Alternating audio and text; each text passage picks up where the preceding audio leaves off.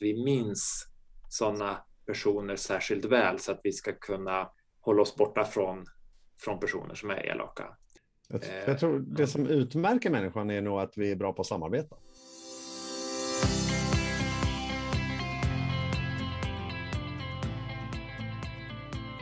Hej och välkomna till fjärde avsnittet av Vi hörs i Underlandet.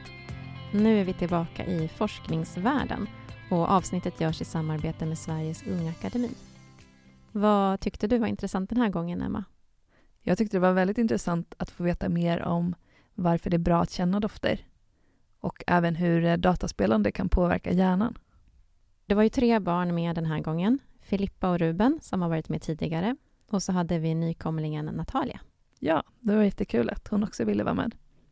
Forskarna heter Jens Järling Leffler som forskar på hjärnan och psykologen Jonas Olofsson. Jonas ska få berätta vad Sveriges Unga Akademi är för något och sen går vi direkt vidare till avsnittet. Sveriges Unga Akademi är en organisation för yngre forskare i Sverige. Den Unga Akademins eh, mission är att underlätta villkoren för yngre forskare i Sverige och även att få ungdomar att vilja bli forskare. Hej. Hej. Hej. Jag heter Natalia och är 12 år. Men vem är den här hjärnforskaren och vem är näsforskaren eller? Jag är hjärnforskaren. jag, jag är näsforskaren kan man säga. Jag har fått ett mindre fint organ. ja, det är fint. Näsan är fin. De hänger ihop. De hänger ihop. Näsan och hjärnan är, hänger ihop. Så ja, Jonas ja. tycker nog att han är lite hjärnforskare också. Ja, precis. Jag heter Jonas Olofsson och jag är professor i psykologi vid Stockholms universitet och jag forskar om upplevelser och minne. Och jag heter Jens Kärling Leffler och jag är forskargruppsledare på Karolinska institutet. Och min forskning handlar om hur hjärnan blir till under, eh, eh, när vi, under utvecklingen och vad som kan gå fel när vi får psykiatriska sjukdomar.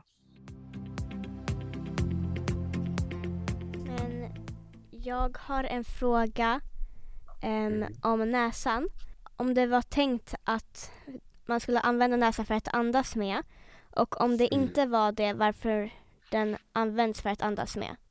Ja, så många olika djur har ju olika sorters näsor. Om man tar till exempel en hund så har de en, liksom en de, deras ansikte är långsmalt sådär, så de har liksom långa näskanaler, precis som människor, fast ännu mer. Och vad näsan kan göra, det är att den värmer upp luften som kommer in. När man andas in värmer näsan upp luften lite grann och så eftersom det finns hår i näsan så fångar den upp en massa skräp som kommer in i näsan. Och, så det hjälper oss att kunna andas och även känna saker som vi kan lukta på i eh, vår miljö.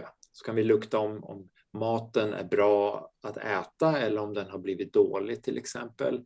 Det är väldigt viktigt för oss att veta så vi inte blir sjuka. Så den typen av saker kan man göra med näsan. Vilken är din favoritlukt, Natalia? Mm, kanske typ någon söt sak eller något. Mm -hmm. Kanelbullar eller så. Många vuxna gillar lukten av kaffe. Det kanske Jens också håller med om. Jag tycker det är den bästa. Ja, det är bra. Hej. Hej Filippa, kan du höra oss? Ja. Vad bra. Jag har tre frågor, eller två frågor först. Okay. Första är, hur kan hjärnan ha koll på så många saker samtidigt? Ja, det är en bra fråga.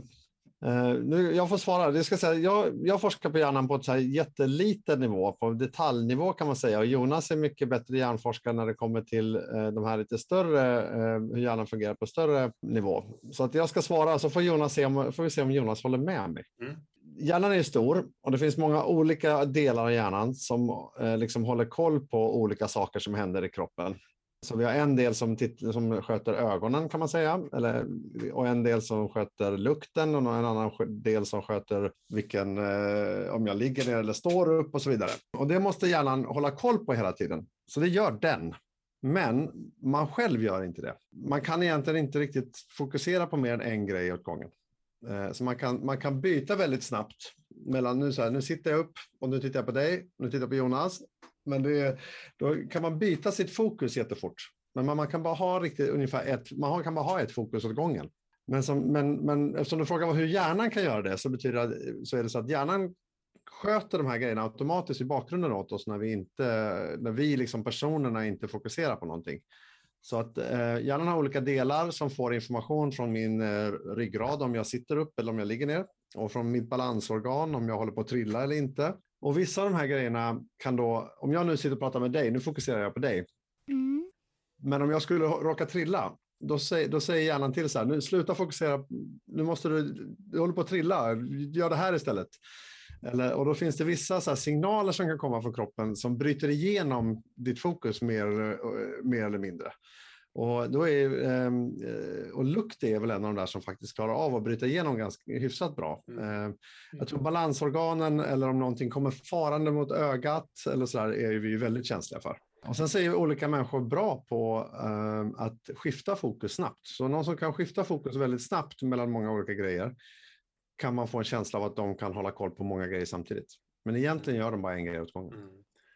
Jag håller helt med om vad Jens säger, att det, det, är jättesvårt att göra flera saker samtidigt. Och om man är i skolan till exempel och så ska man försöka lära sig någonting och så är det någon eh, som sitter bredvid som försöker prata med en eller visa saker för en.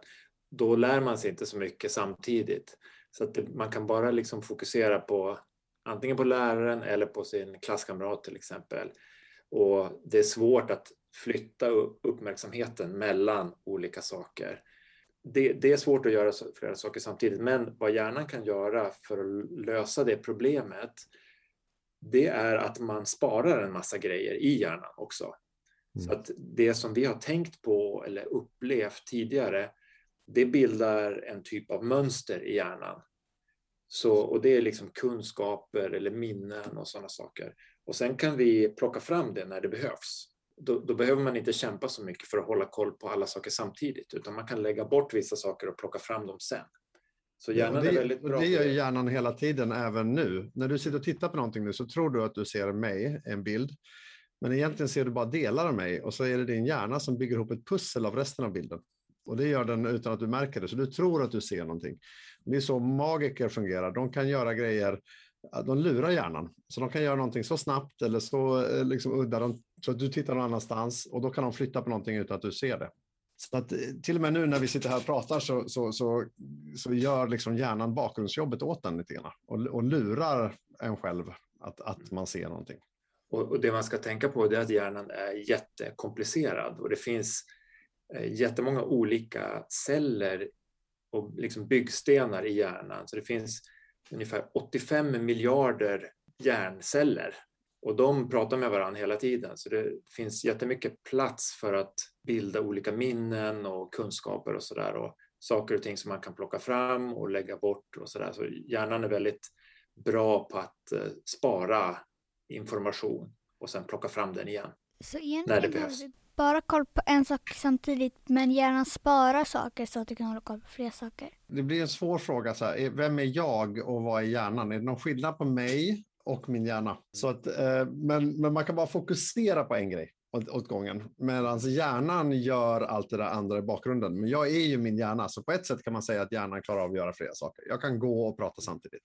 Men det är ju för att hjärnan, min dotter kan inte göra det.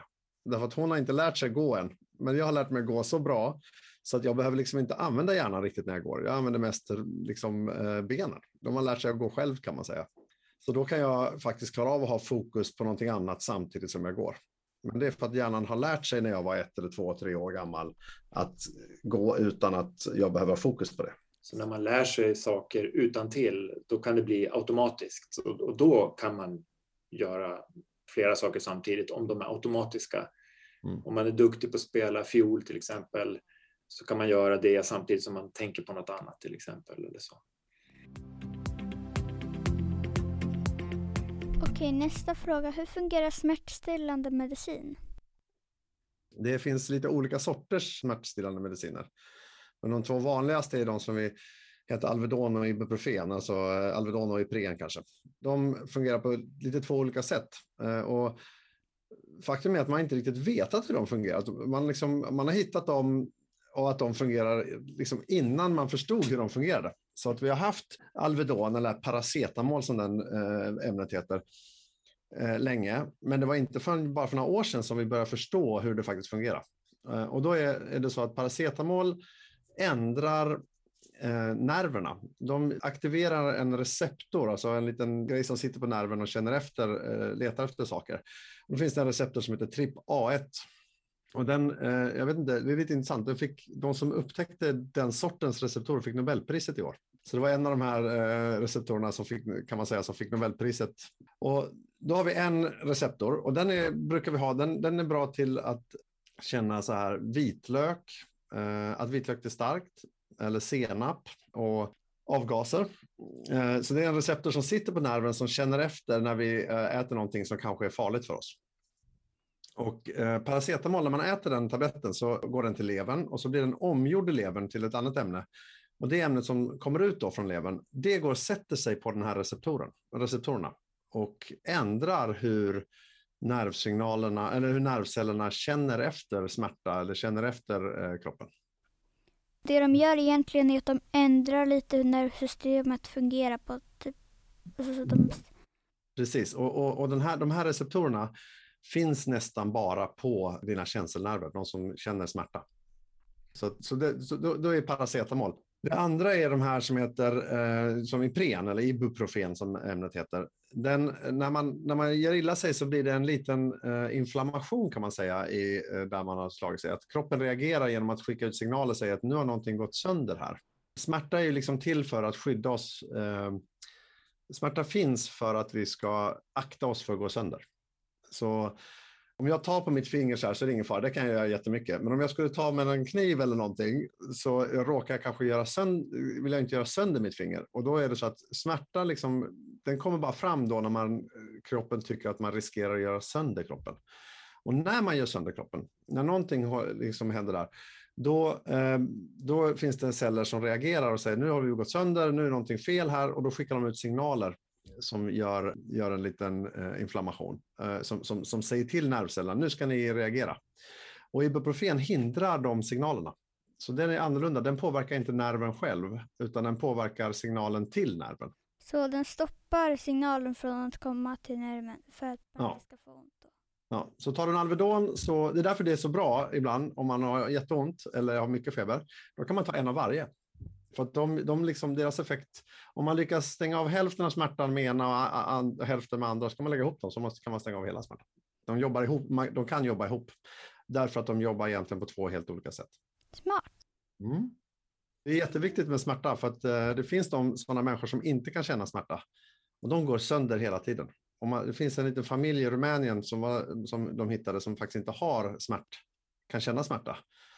Och de hade, de, när de hittade den familjen så visade det sig att ah, de har haft jättemycket brutna ben och de har sår överallt. Och, för att de har aldrig lärt sig som barn att, att det är farligt att trilla eller att det är dåligt att... Eh, liksom, så ha, smärta är liksom jobbigt att ha, men otroligt viktigt för att vi inte ska göra sönder oss själva. Man måste få, man måste få någon signal och säga sluta göra sådär för det är farligt. Okej, nu ska Ruben få komma. Okej. Har du några frågor då, Ruben? Jo, mina frågor är vilka delar av hjärnan aktiveras när man spelar dataspel? Ja, den, eh, det här är egentligen, Jonas, egentligen är din expertis. Jag sa att jag kunde svara på det, men jag tror att det är egentligen du som eh, kan det här bättre. Men... Jag, tror, man kan, jag tror att du får fylla i, Jens. Men eh, enligt mig då, det, det beror ju helt på vilket dataspel man spelar, eller hur? För det finns ju många olika sorter och man ska göra olika saker i de här jag spelen. Jag typ så här, möjligen Minecraft, något typ överlevnadsspel. Ja, precis. Så mycket av dataspel, många dataspel, det handlar ju om vad som händer på skärmen. Och då är det ju synhjärnan som är väldigt viktig, eller hur? Man ska se massa saker som kommer upp på skärmen och, och så. Och då, är det, då skickar hjärnan nervsignaler från ögat till bakre delen av hjärnan. Så det är där som synhjärnan sitter. Och, och så finns det olika små områden där som gör lite olika saker. Så om någon gubbe liksom rör sig på skärmen, då är det ett visst område som reagerar på det. Om det är olika färger så finns det ett område för färg och det finns ett område som känner igen ansikten så man kan se skillnad på olika karaktärer i spelet till exempel. Och en annan sak som är vanligt i tv-spel det är att man ska flytta uppmärksamheten mellan olika saker. Så det kan hända någonting väldigt snabbt där och sen händer det någonting väldigt snabbt där. Och då måste man flytta sin fokus. Och då är det framförallt två områden. Dels i främre delen av hjärnan och i översta delen av hjärnan, i gässloben och i pannloben. De två samarbetar för att man ska kunna flytta uppmärksamheten. Och det var det som vi pratade om i en tidigare fråga om hur man kan hålla koll på olika saker samtidigt och att man flyttar uppmärksamheten snabbt mellan olika saker. Jag, jag tycker en grej som är, kan, som är lätt att glömma bort, ibland när, man, eh, när folk berättar så här, när, vad som aktiveras, vilka olika sorter man gör och så där, mm. det är att hela hjärnan är ganska aktiv hela tiden. Så när man säger så här, ja, men vi aktiverar den här delen av hjärnan, när man gör den forskningen, när man ska mäta det, då måste man först mäta liksom, den bakgrundsaktiviteten, att hela hjärnan är aktiverad och sen så, så, och så ser man så här, blir det mer någonstans? Därför att hela hjärnan är i stort sett aktiv hela tiden. Och när man rör sig, när man gör saker så är det liksom olika aktiviteter i hjärnan som vi kanske inte vet vad de betyder. Så då brukar, försöker man ta bort dem för att se om det kommer någon extra aktivitet någonstans. Så när, vi, när jag går och promenerar, även om jag blundar, så är min syncenter aktivt när jag, om, man, om man rör sig. Om man sen öppnar ögonen, ja, då blir det mer aktivt, eller aktivt på ett annat sätt. Och då försöker man mäta den signalen som är så här, är det, har, det, har vi lagt till något sätt att vara aktiv på den eller inte? Folk säger ibland så här, vi använder bara 70, eh, vad är det, 70 procent av vår hjärna, eller, och det är inte sant. Vi använder verkligen hela hjärnan hela tiden. Hela hjärnan används nästan oavsett vad du gör eh, hela tiden. Men däremot så kan man då ah, ah, lägga till ännu mer aktivitet någonstans genom att göra specifika saker vad man kan säga att det, fin det finns också forskare som forskar om tv-spel och vad som händer i hjärnan när man spelar tv-spel. Och eh, man kan använda det som ett sätt att träna hjärnan så att man lär sig att tänka snabbare av att spela vissa spel och så. Men då är det viktigt att spela många olika typer av spel. Det är bra för hjärnan att pröva olika saker och man ska inte bara spela tv-spel heller, utan man ska också göra en massa andra saker, som att träna karate till exempel. Mm. Så man, man ska inte bara sitta framför skärmen hela dagen. Det bästa sättet att få hjärnan uh, att, uh, att hela, uh, aktivera hela hjärnan är att röra sig. Så fort du rör dig så aktiverar du hela hjärnan. Sen kan man aktivera delar av hjärnan genom att spela dataspel eller tänka på någonting eller så där. Men så fort du rör dig, då aktiverar du hela hjärnan. Mm. Jag, jag, kan säga en sak till om det här med att spela tv-spel. Det är väl, och datorspel, att det är mycket saker som händer på skärmen när man spelar datorspel. Men jag forskar ju om lukter och vad som händer i hjärnan när man luktar. Och, och vad vi har gjort då i min forskargrupp, vi har tagit fram en, vi har gjort ett dataspel med lukter så att man kan spela luktdataspel. Och då har vi tagit fram en liten maskin som ser ut så här mm. som man kan använda i en VR liksom en virtual reality-miljö och så går man runt och plockar upp saker och luktar på och så kommer det lukter ur den här, den här maskinen. Mm. Då kan man utveckla nya dataspel som inte bara handlar om vad som händer på skärmen utan att man kan använda olika sinnen. Så det är någonting som jag tycker är roligt att hålla på med. Jag tänkte bara säga, det känns lite som att VR, um, det finns en liten extra grej som jag tror finns i, någonstans i Amerika VR typ rum. Det är så här plattformar som man kan glida på, speciella skor för det. Och så här, det sitter en ring runt midjan som så här, håller koll på vad du lutar i. Mm. Så jag tror så här, det hade nog varit bästa sättet att köra äh, riktiga spel. Det kommer fler och fler VR-spel för datorer och så, så det, det kanske slår igenom kanske inte med ett helt rum, men att man har glasögon och, och sådär. Spelar, spelar spel Ja, men eller jag vet inte om man behöver ett helt rum, men man behöver plattformen för det mesta. Mm. Nästa fråga. Förbättras människans hjärna av tv-serier och tv-spel? Ska jag börja Jens eller vill du? Kan vi, kanske, jag tror, här kanske jag och Jonas till och med tycker olika. Vi får se. Ja. Om de förbättras, det beror lite grann på, tror jag.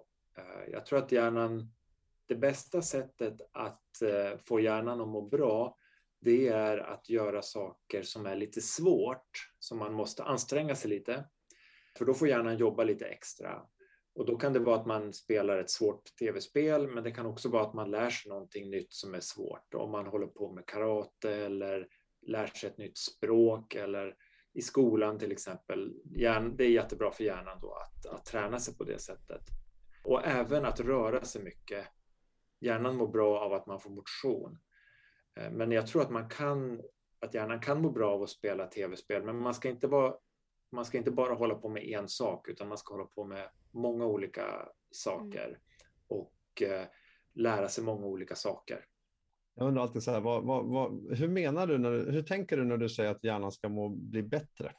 Ska, hur ska den, för att, ska vi bli gladare eller ska man bli bättre på just den saken man ska göra eller ska man hjärnan hålla längre när man blir gammal? Det beror, så på, beror på vad man tycker är bättre. Liksom. Och för min del så tycker jag att det viktigaste med hjärnan är nog att man eh, inte blir för ledsen. Att man, att, man kan göra sig, att man håller sig ganska glad. För då blir allting annat mycket lättare man ska göra i livet. Mm. Och då är, då, är det, då är det som Jonas säger verkligen viktigt. Att man ska göra olika saker och göra saker som man tycker är kul och eh, prova många olika saker. För sitter man och gör en enda grej hela tiden, då kanske liksom ett tag att, man inte, att, att, att det blir tråkigt. Nästa fråga. Varför är människan ett elakt djur? Det är en intressant fråga för människan kan ju vara el människor kan ju vara elaka såklart. Mm. Men vi kan ju också vara väldigt snälla. Jag tror så här att det är ganska, de flesta personer är snälla, men det finns kanske några som är lite mer elaka och de kommer vi ihåg om vi träffar en person som är elak så minns vi ju det kanske flera år efteråt. Och, och, det är på något sätt eh, viktigt att vi kommer ihåg vilka som har varit elaka. Så våra hjärnor kanske är utformade på sådant sätt att vi minns sådana personer särskilt väl så att vi ska kunna hålla oss borta från, från personer som är elaka. Mm. Jag, jag, tror det som utmärker människan är nog att vi är bra på att samarbeta. Mm. Eh, det är det som, det som gör att människan har lyckats bli så många och tagit över så mycket och vi har kunnat bygga stora grejer, åka till månen. Det är ju för att vi eh, är snälla. Det är för att vi har lärt oss samarbeta och eh, lita på varandra och, mm. och sådär. Och som Jonas säger, vi kommer ihåg de som varit elaka väldigt länge. Därför att det är viktigt för oss att komma ihåg vilka det är man inte kan lita på. Mm. Men, men, generellt sett så litar man nog på fler människor och gillar och är snäll mot fler människor än eh, som man inte litar på eller som är elak, man är elak mot. Sen så kan man ju liksom råka hamna där och någon blir elak ändå mot en. Men generellt sett så är nog det som utmärker oss som art är nog att vi faktiskt är väldigt bra på att samarbeta fastän vi inte är släkt. Vi skulle inte överleva i naturen om vi var helt själva. Utan vi behöver en familj och en grupp och kompisar och sådär. En liten rolig fakta jag lärde mig. Um, människan är faktiskt världens farligaste djur. För vi har ju gjort vapen och ja, lite annat som inte är så schysst direkt. Eller så överlevbart. Det blir ju så att när, eftersom människor är väldigt bra på att samarbeta och också ganska smarta så kan vi ju göra mycket bra saker men också mycket mm. dåliga saker som har negativ påverkan då krig till exempel. Så, så att det här samarbetet kan ju ibland leda till, till dåliga saker. Det var alla frågor för, för mig. Jag tackar. Tack så mycket. Tack så mycket. Tack. Hej igen. Hej, vi har en till fråga.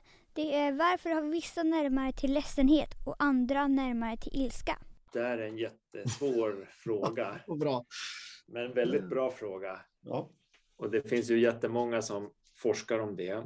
Men jag skulle säga att på ett sätt så, så föds vi med, en viss, eh, med ett visst temperament och en viss personlighet som gör att vi har lättare för att vara mer eller mindre glada eller ledsna. Så vissa personer är lite mer glada, andra personer är lite mer ledsna.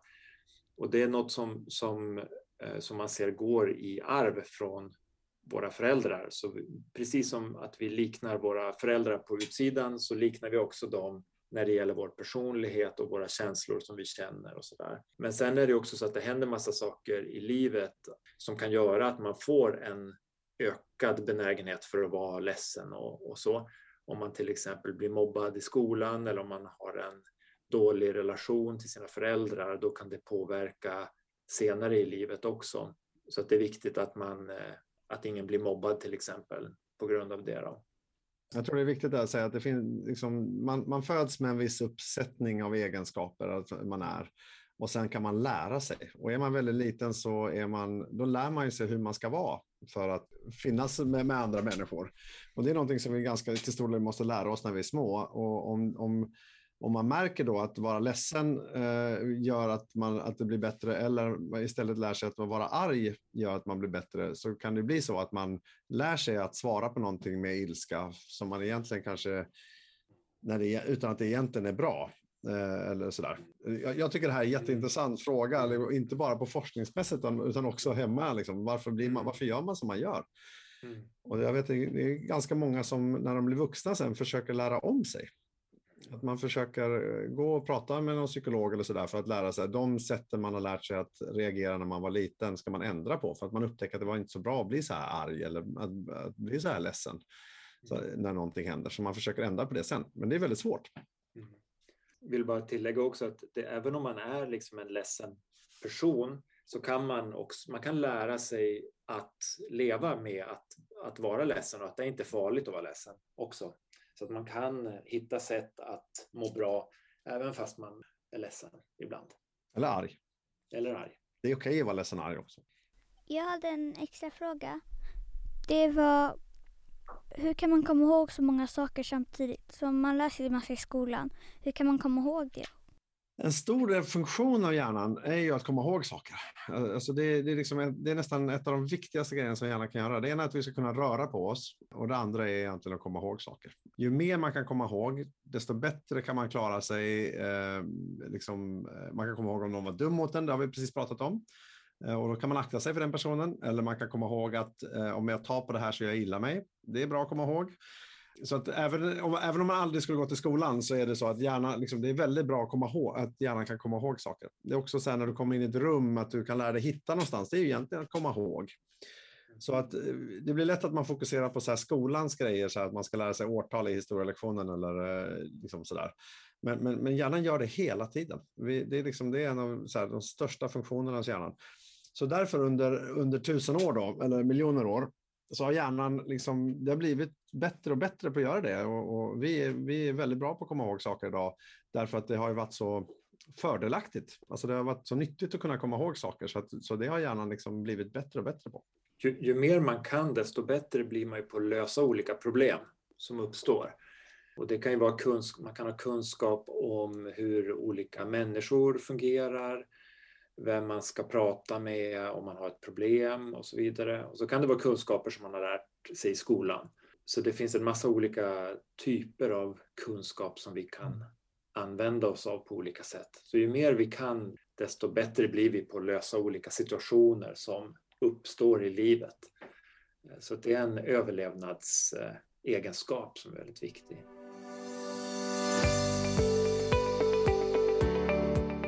var jättetrevligt. Ja, superroligt.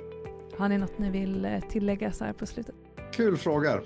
Om man gillar att tänka på sådana här frågor, då kan man bli forskare, för då får man jobba med att tänka på sådana här frågor och, och välja ut en fråga och försöka svara på den. Det är ett väldigt bra jobb att gå till jobbet och fundera på sådana här saker. Det, det är en lyx. Efter det här avsnittet om dofter och hjärnan hoppas vi att du är mer sugen på vetenskap och forskning. Enligt Jonas och Jens så är det ju världens bästa jobb. Det låter ju väldigt kul när de pratar om det. Nästa avsnitt handlar om hur klimatförändringarna påverkar djur och natur. Då är Alex från avsnitt två tillbaka och han kommer prata med forskaren Fredrik Moberg.